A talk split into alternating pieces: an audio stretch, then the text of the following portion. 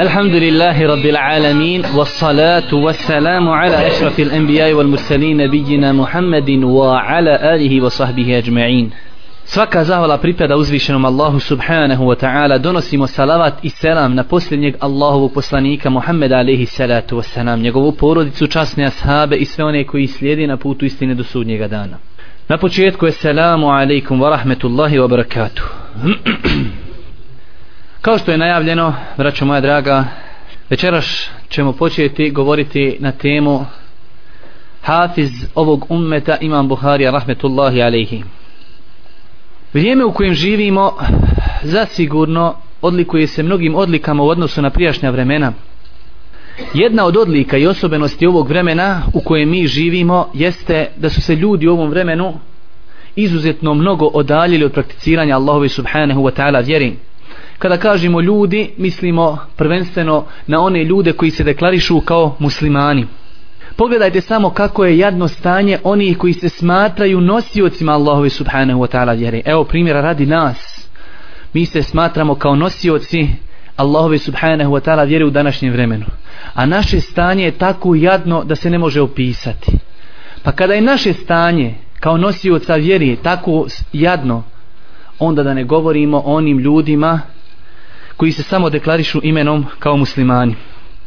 Zato ne treba da nas čudi uopšte sve ono što se dešava na ulici i sve ono što vidimo među ljudima koji nas okružuju.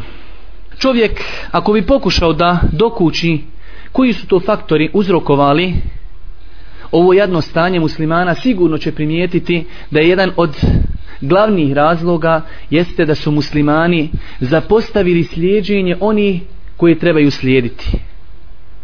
Na prvom redu mislim zapostavili su slijeđenja Allahu poslanika alihi salatu wasalam u svakodnevnom životu. A on je taj kojeg je Allah subhanahu wa ta'ala poslao da bi ljudima pojasnio kako da žive i kako da se ponašaju u svakodnevnom životu. On je taj kojeg je Allah subhanahu wa ta'ala poslao kao milo svjetovima. On je taj kojeg je Allah subhanahu wa ta'ala opisao wa innaka la ala khuluqin azim zaista si ti lijepe čudi i naravi Također, od faktora koji su prouzrokovali ovo jadno stanje, jeste, braćo moja draga, da su muslimani zapostavili izučavanje historije. Historije Islama. A znajte, braćo moja draga, da historija Islama je nešto veliko. Jedno ogromno bogatstvo koje su muslimani bacili za svoja leđa. Historija je jedno veliko blago koje su muslimani, nažalost, bacili za svoja leđa. Zapostavili su muslimani izučavanje sire Allahu poslanika alihi salatu wasalam zapostavili su izučavanje biografija muslimanskih velikana. A, bi, a islamskih velikana je braćo moja draga na hiljede. Hiljede alima hiljede pobožnjaka hiljede mučtehida hiljede muđahida hiljede vojskovođa hiljede pravnika muhaddisa pravnika, lingvističara. U svakom segmentu ćemo naći u historiji islama velikane primjera radi koliko je samo knjiga napisano koje su samo specijalizovano napisane o biografijama. Jedna od tih knjiga u današnjem vremenu se štampa u više od 20 tomova. Sijar E'alam en Nubela od imama Ezehabija. Preko 20 tomova samo biografije islamskih učenjaka i velikana. To je samo jedno dijelo, a ima stotine takvih dijela.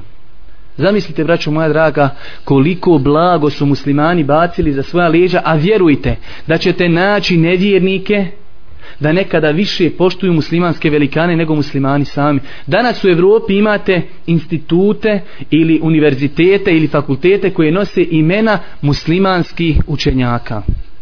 Ovo ne govorim na pamet. A muslimani možda ne, kada bi im kazali ko je bio Ibn Rušt, ljudi ne znaju ništa o njemu. A nevjernici daju ime univerzitetu ili fakultetu po tom čovjeku. Toliko su muslimani zapostavili svoju historiju. To što muslimani posjeduju, znajte, braćo moja draga, da drugi ne posjeduju ni blizu. Drugi ne posjeduju ni blizu to, to što postoju, posjeduju muslimani. Vidjet ćemo, braćo moja draga, da su muslimanski velikani svojom pobožnošću, svojim ibadetom, svojim znanjem, i mnogim drugim disciplinama ispisali historiju. Ispisali mnogo stranica u historiji i istorija i nije zaobišla kao što je zaobišla milione drugih ljudi. Žalosna je jedna stvar, a to je da su muslimani u slabosti tog svog imana ostavili tu historiju, ali su morali posegnuti za nečim. Pa su posegnuli za slijeđenjem nevjernika. Pa su posegnuli za slijeđenjem zapada, nevjernika, njihove civilizacije, njihove pod navodnim znacima kulture, ali je bolje, bolje kazati njihove nekulture. Muslimani u slabosti svog imana, znači napravili su dva prekršaja. Prvi prekršaj zapostavili su svoju historiju, svoje velikane. Drugi narodi nemaju takvih velikana, niti imaju takvu blistavu historiju. A s druge strane, kada su njih zapostavili, napravili su drugi prekršaj, a to je da su počeli slijediti nevjernike. Muslimani slijepo slijede nevjerničke pjevače, igrače, glumce, takozvani zvijezde. A vallahi, sume vallahi, kad bi se te njihove zvijezde pogledale razumom, ne znači šerijatski, razumom, vidjeli bi da te zvijezde ne zaslužuju da budu slijeđene. Suprotno tomi, razum ukazuje da njih ne treba slijediti. Ako neko ne može razumom, a ne vjerom dokučiti da ne treba slijediti drogeraša, homoseksualca, pijanca, ovoga, onoga, taj čovjek onda sa svojim razumom nije još neke stvari raščistio. Razum, braću moja draga, potvrđuje da te osobe ne zaslužuju da budu slijeđene. Razum. A onda, kada pridodamo na to šerijatske dokaze, onda je to mnogo veća stvar. Ali, braću moja draga, to jedno stanje nije ništa nego ostvarenje onoga što je najavio ko? Allahu poslanik alihi salatu wasalam. U hadisku koji je zabilježio imam hakim sa vjerodostojnim lancem prenosilaca kao što je to potvrdio ših Albani stoji da je kazao Allahu poslanik letete bi anne senene men kane qablekum vi ćete slijediti one koji su bili prije vas pedalj po pedalj podlakticu po podlakticu rukohvat po rukohvat pa kaže Allahu poslanik kada bi neko od njih ušao u gušterovu jazbinu i vi bi ušli. Jel to samo? Kaže Allahu poslanik Allahu akbar kada bi neko od njih spolno općio sa svojom majkom na putu, to bi vi uradili. Do te mjeri. I vjerujte da muslimani tako slijepo slijedi zapad i nevjernike, baš kako je opisano u ovom hadisu. U predaji ovog hadisa kod imama Buhari i muslima je došlo da su asabi upitali, a ko su ti koji ćemo mi tako slijediti? Jesu to, kaže, židovi i kršćani? Kaže Boži poslanik, femen. Ko su ako nisu oni? I koga danas slijede muslimani? Kršćane i židove. Kršćane i židove. Baš onako kako je najav, nagovjesio Allah poslanika alihi salatu wasalam. Zato, braću moja draga, ja sam ciljano odabrao, vjerujte da je stotine tema koje bi ja mogao ovdje da obrađujem, ali sam ciljano odabrao da govorimo o ovim islamskim velikanima. Započet ćemo govor sa imamom Buharijom, rahmetullahi alihi, jednim velikim velikanom koji zaista zaslužuje da muslimani znaju mnogo više o njemu od onoga što znaju. Da znaju kad je rođen, gdje je rođen, koga je odgojio, da znaju koliko truda je uložio. Ljudi ne znaju koliko imam Buhari uložio truda dok je sastavio svoju sahih zbirku. Ne znaju koliko truda je uložio finansijskog. Vidjet ćete u historiji. Njegov otac je njemu ostavio elf elf hiljadu hiljada zlatnika, milion.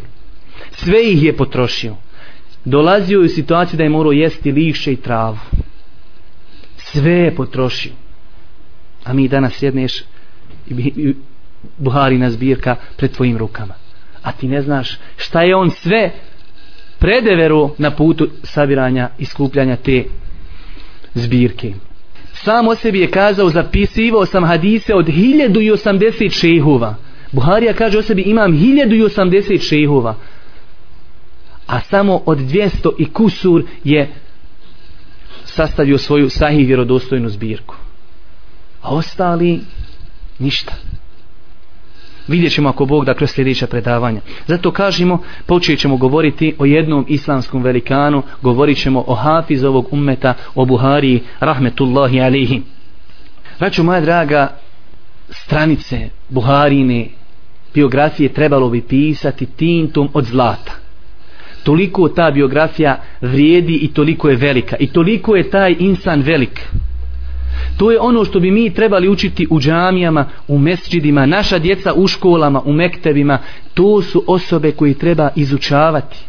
njihove biografije studirati i na kraju krajeva treba pokušati praviti komparaciju između njihovog stanja i našeg stanja.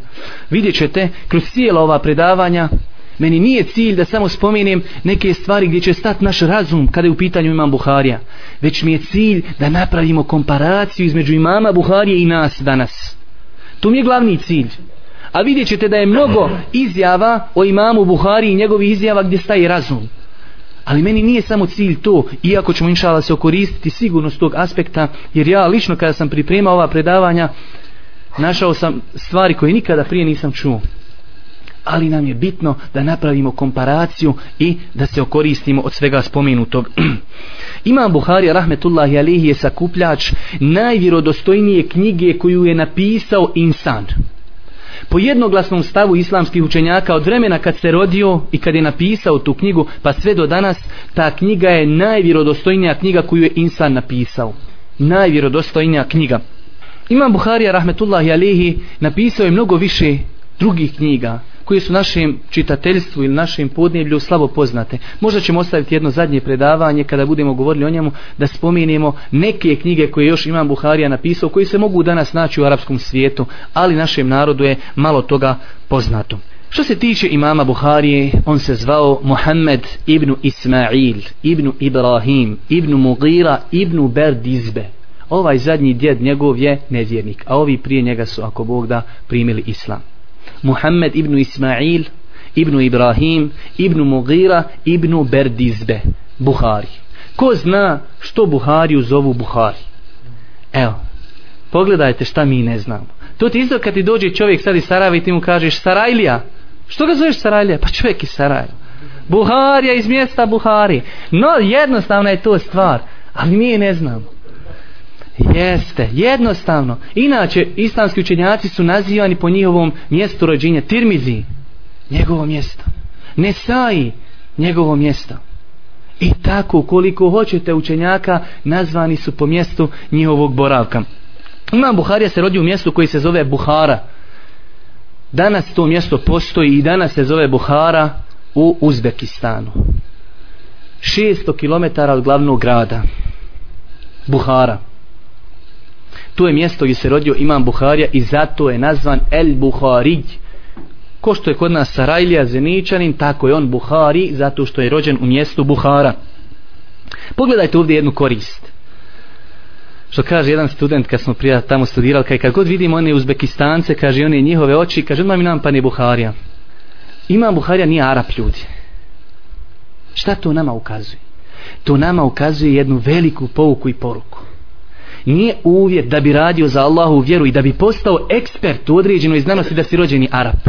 Arapski jezik se može naučiti da ga stranci nauči da budu jači od Arapa kada je u pitanju arapski jezik. Zato svi oni koji smatraju da je prvi uvjet da bi uradio nešto veliko i da bi postao ekspert u određenoj šerijatskoj znanosti da si Arap, greška. Nije tako. I koliko drugih imama nisu bili Arapi, pa su uradili mnogo više nego što su uradili Arapi najbolji primjer za sve spomenuto je direktno i definitivno imam Buharija rahmetullahi alihi čovjek koji nije porijeklom Arab uradio je na polju sunneta Allahu poslanika alihi salatu wasalam što nikada niko nije prije njega ni poslije njega uradio a najbolji primjer iz 21. stoljeća ko? Muhammed Nasruddin Albani porijeklom Albanac uradio je u hadijskoj znanosti što niko nije uradio za zadnja tri ili četiri stoljeća čovjeku razum staje kad vidi šta je taj čovjek sve uradio a nije Arab. Braćo moja draga u tome treba da bude nama velika pouka da nam to dadne morala. Ne smijemo vagati ljude Arapi ne Arapi. Ljudi se vagaju po bogobojaznosti i vagaju se po njihovim ambicijama i po ciljevima. Kada čovjek ima visoke ciljeve kada ima jake ambicije i kada očisti nijet u ime Allaha Allah će ga uzdići bilo koje nacije da budi Šeha Albani, što ga je Allah uzdigo da ga mi danas pominjemo u Bosni? Zbog njegovih ambicija i zbog njegovih nijeta, inša Allah. Imam Buhari, rahmetullahi alihi, rodio se kada? Petkom 13. ševala 194. godine. Petkom 13. ševala 1994. godine. Po. Tada se rodio Imam Buharija, rahmetullahi alihi samo ukratko njegovim roditeljima. O njegovom ocu zna se da je bio izuzetno pobožan, čestit, poštovan čovjek u društvu. Kada su mu nastupile smrtne muke, kazali smo koliko je ostavio imetka iza sebe. Milion srebrenjaka. Elf, elf. Tako su Arabi zvali milion. Hiljadu hiljada. Pošto nisu znali za tu cifru milion. Elf, elf. Hiljadu hiljada. Milion. Kada su mu nastupile smrtne muke, ocu imama Buharije, dolazi mu čovjek koji se zove Ahmed ibn Hafs. Učenjak. I kaže mu otac imama Buharije, ja ne znam da u mom imetku postoji jedan srebrenjak koji je zarađen na haram način. Niti znam da postoji jedan koji je sumljivog porijekla. Sve što je iza mene ostalo halal, za, halal zarađeno. Kaže ovaj učenjak, pa sam tek shvatio koliko ja vrijedim. Čovjek imao milion zlatnika. Da je svaki zlat, srebrenjak po marku, milion maraka.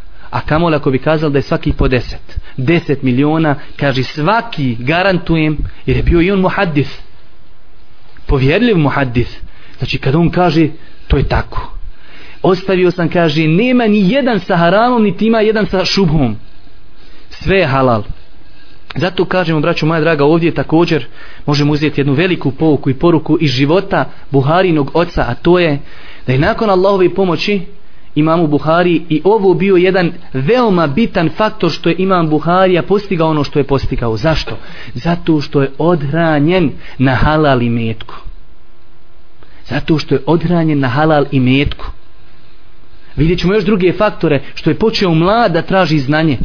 Ali jedan od faktora zašto je uspio jeste, vraću moja draga, halal i metak. Mi živimo u vremenu kad malo ljudi razmišljaju o imetku, kako će ga steći, gdje će ga potrošiti i čime će svoju djecu hraniti.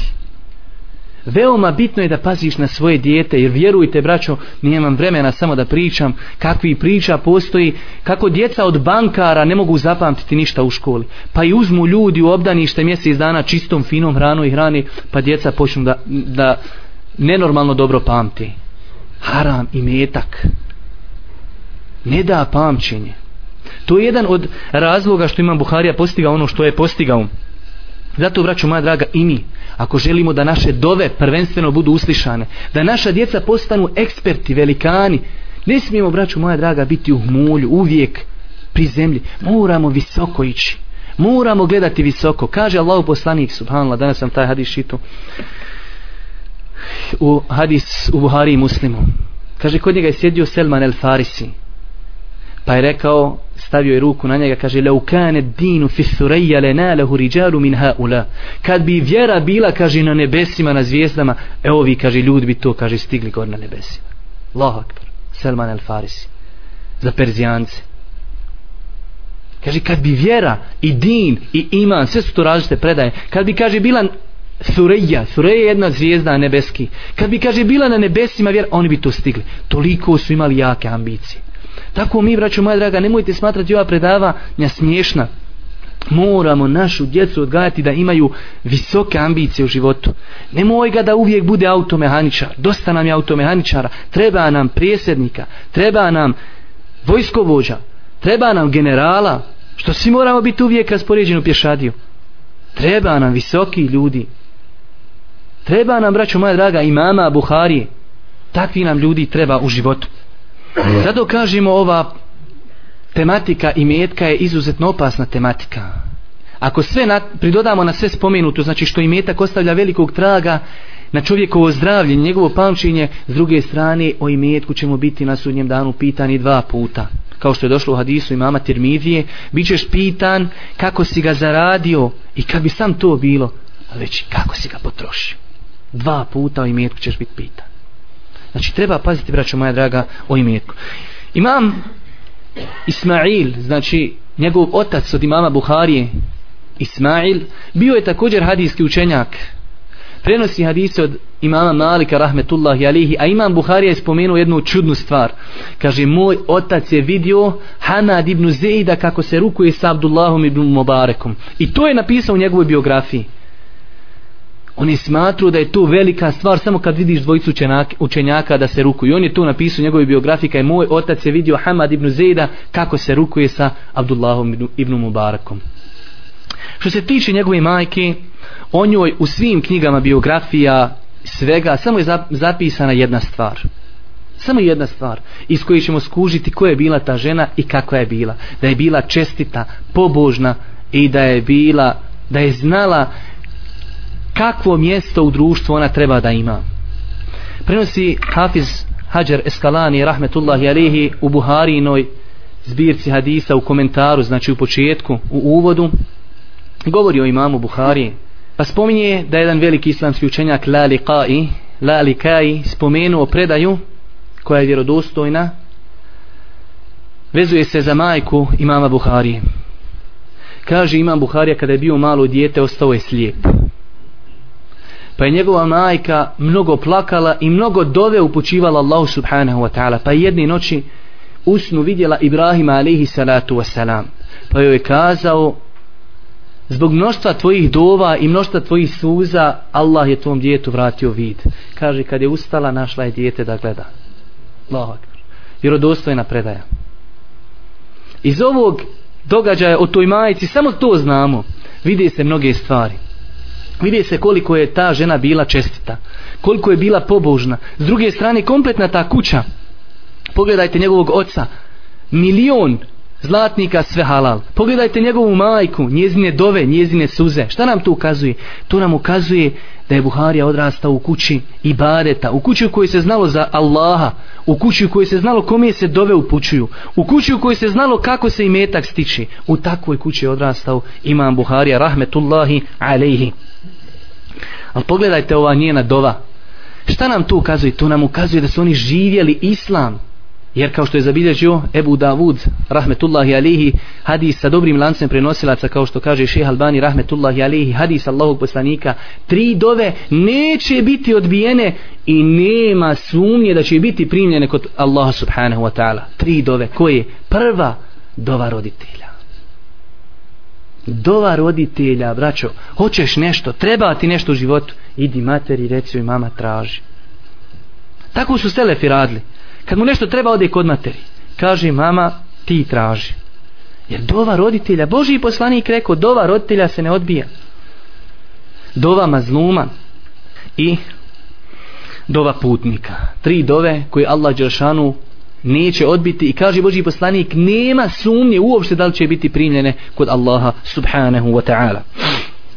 Imam Buharija rahmetullahi alejhi u svojoj ranoj mladosti ostaje bez oca što znači odrastao je kao jetim iz ovoga opet vidimo ulogu njegove majke. Njegova majka od rane mladosti mama Buhariju šalje putem traženja znanja.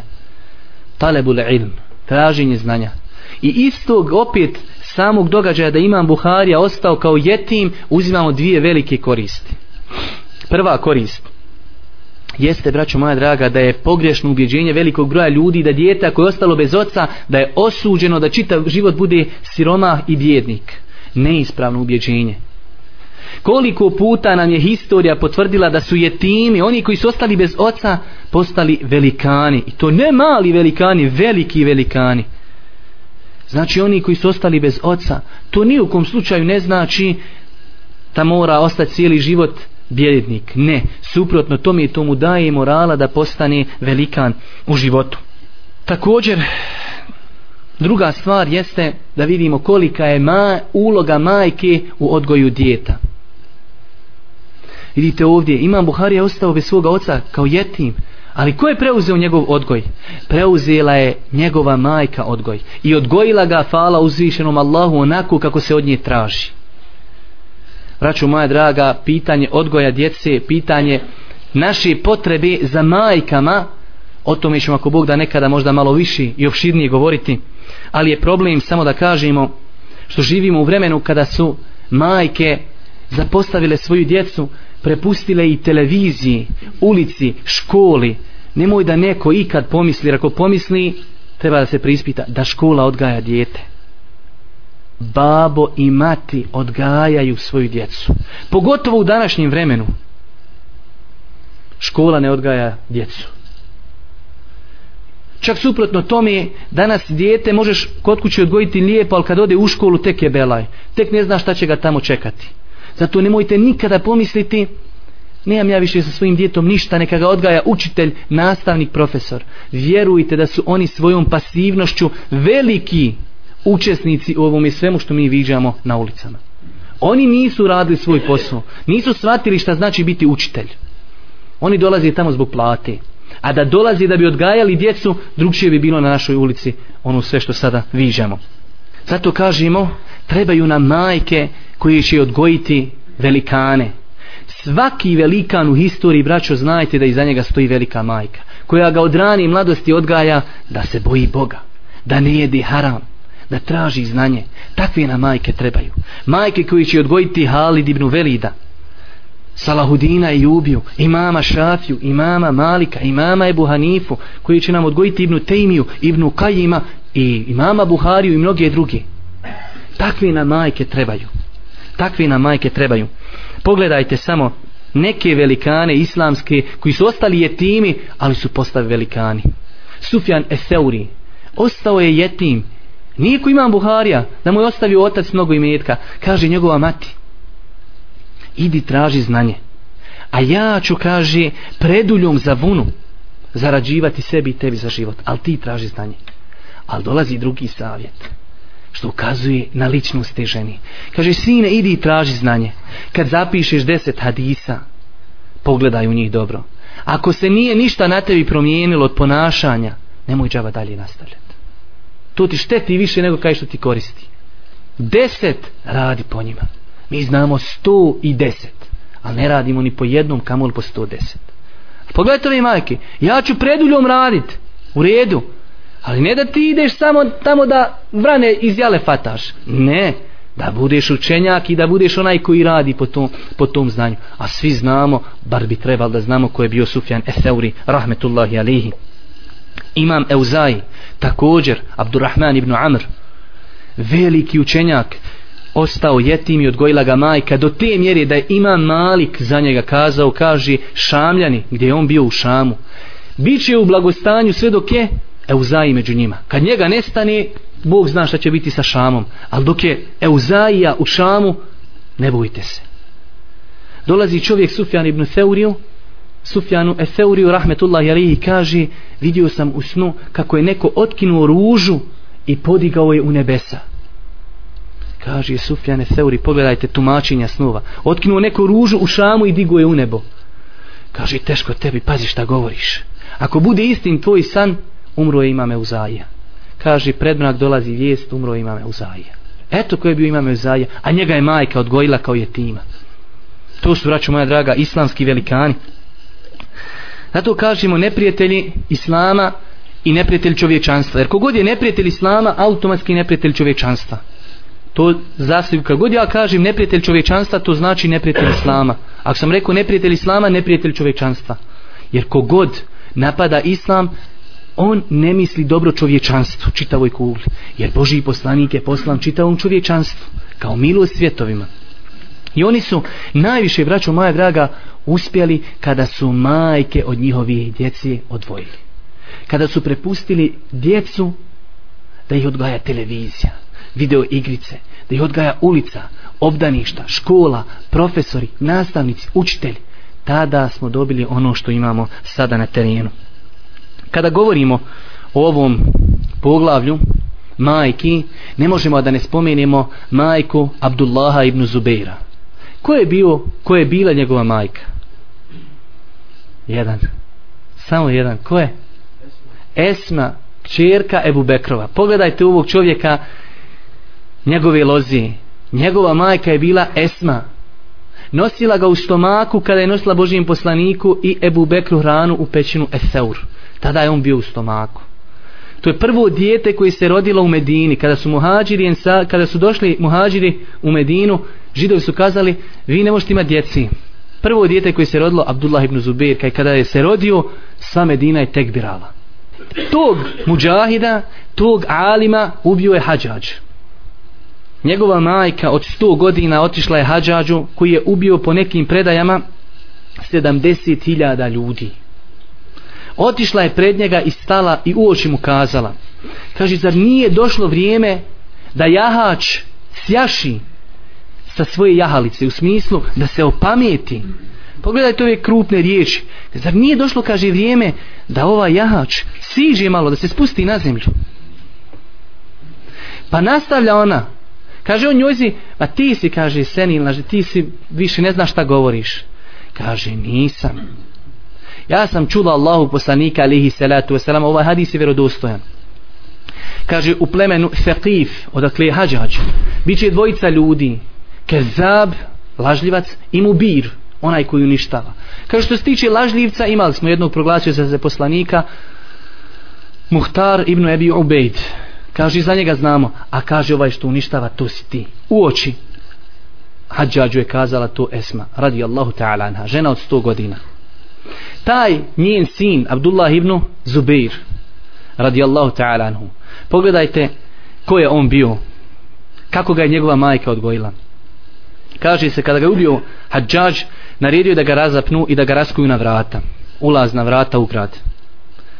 Pa je naišao pored njega Abdullah ibn Omer. Abdullah sin Omerov. I stao je kod njega i rekao mu Esselamu alike ja Eba Hubeib kaže ja te znam kao onoga koji je klanjao danju i postio danju i klanjao noću i koji je rodbinu svoju obilazio. Zaista je dobar ummet u kojim si ti najgori insan. Jer Hadžač kada ga je ubio rekao, kaže ovo je najgori sljedbenik Božijeg poslanika. Pa kaže Abdullah ibn Omer, e blago se ummet u kojim si ti najgori insan. Postiš, klanjaš, obilaziš odbinu, kaže e blago se umetu u kojem si ti najgori insan. Morat ćemo malo skratiti pa ćemo nastaviti ako Bog da sljedeće godine. Ovaj sljedeći sedmici Imam Buharija rahmetullahi alihi počinje traženje znanja od rane mladosti. I kazali smo da je to nakon Allahu i subhanahu wa ta'ala pomoći jedan od glavnih razloga zašto Imam Buharija postigao ono što je postigao. Od rane mladosti bilježe se u njegovoj biografiji predaje koje ukazuju da je to osoba pred kojom je velika budućnost. Od rane mladosti su se prepoznavali njego, na njemu znaci visokih ambicija. Da to nije insan obični. Da ima visoke ambicije, visoke ciljeve. I ponašao je se kao veliki ljudi. Prenosi se u knjigama koje govori o njegovoj biografiji da je jedne prilike došao u sjelo Međlis gdje su se prija prije traženja znanja, pogotovo hadisa, bilo na način da dođeš kod šeha, šeh citira hadise iz knjiga, a učenici zapisuju i poslije idu u kući i pamti. Pa je on sjedio u haliki jednog od najvećih šehova Buhari, koji se zvao Ed Dahili. I kaže, citira Dahili hadis da ga zapišu učenici. Pa kaže od Feurija, od Ebu Zubeira, od Ibrahima. Kaže Ibrahim, kaže Buharija, nije tako kad je on pogledao ko je rekao, kaže šuti, šta ti znaš? Kaže, ako imaš originalnu nushu, originalnu knjigu, otiži pa pogledaj, pa ćeš vidjeti da nije tako. Pa je to iziritiralo šeha, pa je usto i otišao u svoju kuću. Kad je došao, kaže, kako si ti rekao? Kaže, ja kažem od Sufjana, od Zubeira, a ne od Ebu Zubeira. Ebu Zubir je otac Zubirov. Kaže, od Sufjana, od, Zu, od Zubira ibn Adija, od Ibrahima. Jer kaže, Ebu Zubir ne prenosi od Ibrahima nikako. Kaže, pa mu je kazao ovaj šeh, kaže, onako je kako si ti kazao. Pa je uzeo njegovu olovku i prepravio. A i Buharija je to izmozga njemu. On je čitao sa papira pa pogriješio. A imam Buharija njega popravio onako iz svog pamćenja. Pa su ljudi postavili Buhari, ovo je predaj od imama Buhari, kažu njemu, dobro, To je bio najveći šejh u to vrijeme u Buhari. Kaže, a koliko ste imao tada godina? Kaže, 11. Sve mislite sad da mi imamo nekog malca ovdje od 11 godina. I da dođe neki doktor i da priča i on kaže, doktore nije tako. Ali šta ovo ukazuje? To ukazuje da je taj čovjek od rane mladosti imao visoke ambicije. Kaže, nećemo se raspravljati. Vrati se u original. Ja znam da je tako. On je za sebe kazivo, govorit ćemo poslije o tome, prije nek što je otišao iz Buhari, govorit ćemo inša u sljedećem predavanju, u njih je bio običaj da se ne izlazi iz svog mjesta dok ne pokupiš svo znanje kod svoje ulemi. On je otišao iz Buhari u 15. godini. Ošao nahađi ostao više, nije došao u Buharu, Bog zna dokad. On kaže za sebe, kad sam krenuo iz Buhari u 15. godini, znao sam više od 70.000 hadisa. I kaže, znao sam svakog prenosioca gdje je rođen, koliko je živio i o njemu sam znao dosta. Jedne prilike je sjedio kod šeha svog, učio hadis. Pa je šej spomenuo prenosioca i kaže na kraju Kej Harani. Kao što je u njega Buhari kaže Kej Harani. A šej ne zna šta ta znači riješ. Nekada mi znamo Buhari znači mjesto Buhara. Ali šej nije znao šta znači Kej Harani. Zašto su ga nazvali? Pa on kaže Buhari koji njega uči kaže Ebu Abdullah. Njega, njega su zvali Ebu Abdullah. Šta ovo kaže znači Kej Harani? Pa kaže ba to ti je selo kaže u Jemenu. kaže ko da si kaže rođen u Jemenu o svakom prenosiocu kaže 70.000 hadisa znam na pamet u 15. godini za svakog raviju i za svakog prenosioca znam gdje je rođen kad je umro i neke osnovne podatke o njemu također znači ovdje jedna veoma bitna korist inšala time ćemo otprilike i završiti ovaj kak se zove ovo naše druženje kada je u pitanju odgoj djece braćo moja draga znači oni ljudi koji žele da njihovi sinovi i njihova djeca postanu velikani moraju od rani mladosti da tu djecu usmjeravaju u pravom smjeru jer pogledajte ovdje imama Buhari u 11. godini šta je znao tako znači ko želi da njegovo dijete i mi da budemo velikani moramo paziti na ono što smo prije spomenuli da bude i metak čist kojim se hrani dijete da se počne sa ranom mladosti i da majka obavlja svoju funkciju da odgaja dijete. Nažalost, kažemo, mi danas živimo u vremenu kada našu djecu odgajaju televizije, a naša, naša televizija odgaja djecu da žive u drugoj planeti. Šta to znači? To znači da te serije i ono što se u većini slučaja prikazuje na televiziji, iako ima zasigurno korisni stvari, govorim konkretno o serijama, uči djecu da živi na drugoj planeti. Jer pogledajte malo one serije, nakon samo razmislite o njima. Tu je prepuno ljubavnih afera. Tu je prepuno preljuba. Uvijek se živi u luksuznim vilama. Uvijek u dobrim autima. Uvijek se troši, a nikad se ne zarađuje. Kad god otvori tele, ovaj frižider, uvijek puno. Kad god ide s autom, nikad na benzinsku ne svraća I mnogo drugih stvari. Čemu to uči našu djecu? To uči našu djecu da žive u mašti da se može živjeti od havi. Zato kad nam sutra dođe neko i kaže nam tvoje dijete je obilo auto i ukralo kasetofon od tog i tog, nemoj se iznenaditi. Zato što je on to naučio na seriji i smatra ja ću to odraditi koji na seriji neće mene ufatiti policija. Tome te serije uči našu djecu, a naša djeca žive u državi koja je prije deset i kusur godina izišla iz rata. I u njoj mogu uspjeti samo čestiti marljivi. I oni čestiti i marljivi se pati. A onaj ko bude živio u mašti, teško se njemu. Zato, braću moja draga, velika pažnja, nemojte da našu djecu odgajaju serije. Nemojte da vam je dosadno, kažeš dijete mi dosadno, evo samo sjedi, bitno je da nešto bulji. Nemoj da bulji u sirije, jer neće tu nikakav hajr naučiti. To ne treba ocu i majici koji želi od svog dijeta da napravi čestitog insana, ne treba im to govoriti. Tamo ne može naučiti ni jednu korist a šeitan luka na stotine. Ovdje normalno treba spomenuti, znači, za to sve što se dešava kada je u pitanju odgoj djece, da jedna djeca nisu kriva, da su krivi njihovi roditelji. Koji su, nažalost, potrošili toliko godina i to životno iskustvo koji se najskuplje plaća, oni ga, nažalost, nisu stekli. Jer ne možemo dozvoliti našoj djeci da žive 40 godina pa da kažu pogriješio sam. Ako smo mi pogriješili ili ako smo vidjeli nekoga na ulici da griješi, onda uči se na tuđim greškama. Jest da su svoje greške najskuplje, ali braću moja, zašto se ne okoristiti od grešaka koje vidimo svaki dan na ulici? Zato kažemo, ne smijemo se iznenaditi ako sutra dođu i kažu tvoj sin je ovisnik od drogi. Tvoja čerka boluje sidu. Nekoliko puta je već abortirala, imala abortus. Sada je u drugom stanju. A ti misliš, pa kako mala djevojčica? Ne zavaraj se. Ne smijemo se iznenaditi ni jedan posto. Zašto? Zato što smo prepustili odgoj naših djeci drugima. Zato moramo sjesti, oni koji imaju malo stariju, zreliju djecu, razgovarati s našom djecom. Da pitamo našu djecu, kakve oni vizije imaju u životu, koga slijediti, kako raditi, s kime se druži, koja mjesta posjećuju. Moramo, braćo moja draga, sa njima razgovarati. Ako mi to ne uradimo, znajte da to neće uraditi ni profesor, ni nastavnik, ni učitelj. I moramo znati da će oni sutra preuzeti ovo društvo. Kako mi njih pripremimo, tako će to i društvo biti.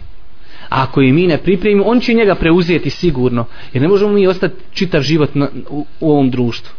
Mi ćemo otići, doći naša djeca. A ako budu spremni, felhamdulillah. Ali u velikom broju slučajeva slabo pripremamo našu djecu. Znači, došli smo do putovanja imama Buhari, rahmetullahi alihi. On je u 15. godini otputovao iz mjesta El Buhara, Evo spomenut ću vam samo, imao sam neki lijepi ovaj stvari za kraj, ali eto, pošto je to prošlo, inšala, da vidite kako imam Buharija još u svojoj 15. godini bio cijenjen kod naroda. Prenosi se od također možda dvojica najveći učenjaka tog vremena u Buhari su bili ovaj Dahedi kojeg je on popravio u 11. godini i drugi čovjek koji se zvao Muhammed ibn Selam el Bikendi. Kaže ovaj Muhammed ibn Selam, on je Buhariju sam znao do 15. godine, jer Buharija kada je odšao iz Buhari, on je nakon toga umru. Sam do 15. godine. A gledajte šta o njemu kazao. Kaže, ja ne prestajem biti u strahu sve dok imam Buharija ne ustane iz mog međlisa, iz mog sjela. Od 15 godina on je sjedio u njegovom sjelu, kaže, ali kad je on tu, ja se tresem. Sam dok izađe, kad, kad izađe, jer strame kaj je pogriješću, popravit će me on 15 godina, ovaj najveći šejh i nje, ovom šehu su dolazili ljudi iz cijelog islamskog svijeta tražiti znanje kod njega. Iz Šama, iz Iraka, iz Medine, iz Mekke ljudi su dolazili kod njega učiti hadise. A ono imamu Buhari u njegovoj 15. godini kaže, kad on sjedi i kaže u mom sjelu, ja kaže, samo kaže, tresem se da me ne popravi. Ova jedan drugi kaže, Ibn Sa'id, također učenjak, kada se spomene imam Buharija on bi rekao kaže kevšun na tah a to je prevedeno ovan nabodica. On je time njega hvalio znači daleko od toga da ga je kudio. Šta znači ovan nabodica? Kad imate dobrog debelog govna i još ima dobre rogove i hoće nabost znači niko ne ostaje pred njim on koga zvizni ode tako imam Buharija pred njim znanjem niko nije mogao ostati znači kad imam Buharija s tobom razgovara nema, ko pred ovnom padaš Kaže, kad god bi rekli Buharijom, on kaže, kebšun na tah. Taj, kaže, šuta. Nema. Ne možeš pred njim isto one kugle kad se oni bacaju, kaže, baca. I treći primjer, a bit će toga, vidjet ćete. Stvari koje ukazuju da imam Buharija zaista bio, kao što su rekli neki učenjaci, kaže, bio je stvoren samo za hadis. Kaže, kuda ga Allah nije stvorio ni za što osim sam da uči hadise. Kaže, došao mu jedne prilike, došao mu je jedne prilike čovjek Rađa ibn Rađa, hafiz, kad prija ulema kaže nekom je hafiz. Znači to je kapak. Ko što mi danas kad kažemo malo to vama ovaj nepoznato u arapskom svijetu kada neko kaže rekao je hafiz tu se niko ne pita ko je hafiz. Hafiz hađer eskalani to se zna. Či kome ulema rekni da je hafiz taj čovjek je kapak. Završio što se tiče hivza u svemu. Dolazi ovaj hafiz imamu Buhariji kaže kad je došao kod njega kaže si šta pripremao za moj dolazak kao ja ćete malo sad ispitati istrenirati kaže nisam ja imao vremena veli ni ne pripremam se ja. Kaže njemu imam Buharija veli koliko ti znaš hadisa o turbanu? Sad ovaj hafiz spominje ovaj, i spomine on deset hadisa. Kaže on sad imam Buhari znaš ti još i makar jedan na ovi deset? Kaže pa mu je Buharija spomenuo 70 kaže ali kad sam ga vidio kako je kaže počeo mijenjati boje kaže stao sam na 70 nije stao što nije znao više. Ve kaže kad sam ga vidio gotovo čovjek hoće kaže pas tu ne sjest manta mu se. Kaže ja sam stao iz milosti prema njemu to je bio taj kepšun na tah koji je svojim znanjem sve obaru presen. Hafiz kod njega, znači ovo nije došao čovjek obični. Dolazi čovjek koji je znači u tom vremenu bio savršenstvo Hivza, dolazi i citira mu 10 hadisa, on njemu citira 70 i kaže kad sam vidio promjenu njegovog lica, kaže stao sam iz milosti prema njemu. E to je bio imam Buharija, rahmetullahi ali. Nastavit ćemo ako Bog da sljedećem predavanju ima mnogo toga govoriti o imamu Buhari, ali kazali smo ako Bog da ćemo pokušati praviti komparaciju između imama Buhari rahmetullahi alihi i naših stanja i to nam je jedan od glavnih ciljeva iako nema smetnje nikakve da malo i ove kak se zove ovakve predaje da nas malo postaknu na učenje, na ibadet. Vidjet ćete imamu Buhari kada je u pitanju njegov ibadet, njegova iskrenost, njegov hivz, zaista ovaj, u mnogo stvari je dostigao neko ovo dunjaličko savršenstvo. Molimo Allah subhanahu wa ta'ala da ono što smo čuli bude dokazom za nas, a ne protiv nas. Molimo ga subhanahu wa ta'ala da nas poduči propisima Allahove vjeri. Molimo ga subhanahu wa ta'ala da pomogne muslimanima ma gdje bili. Da nam bude milostiv na sudnjem danu i na kraju subhanaka Allahumma da bihamdika. Šhedu in la ilaha illa ente stagfiruke ve etubu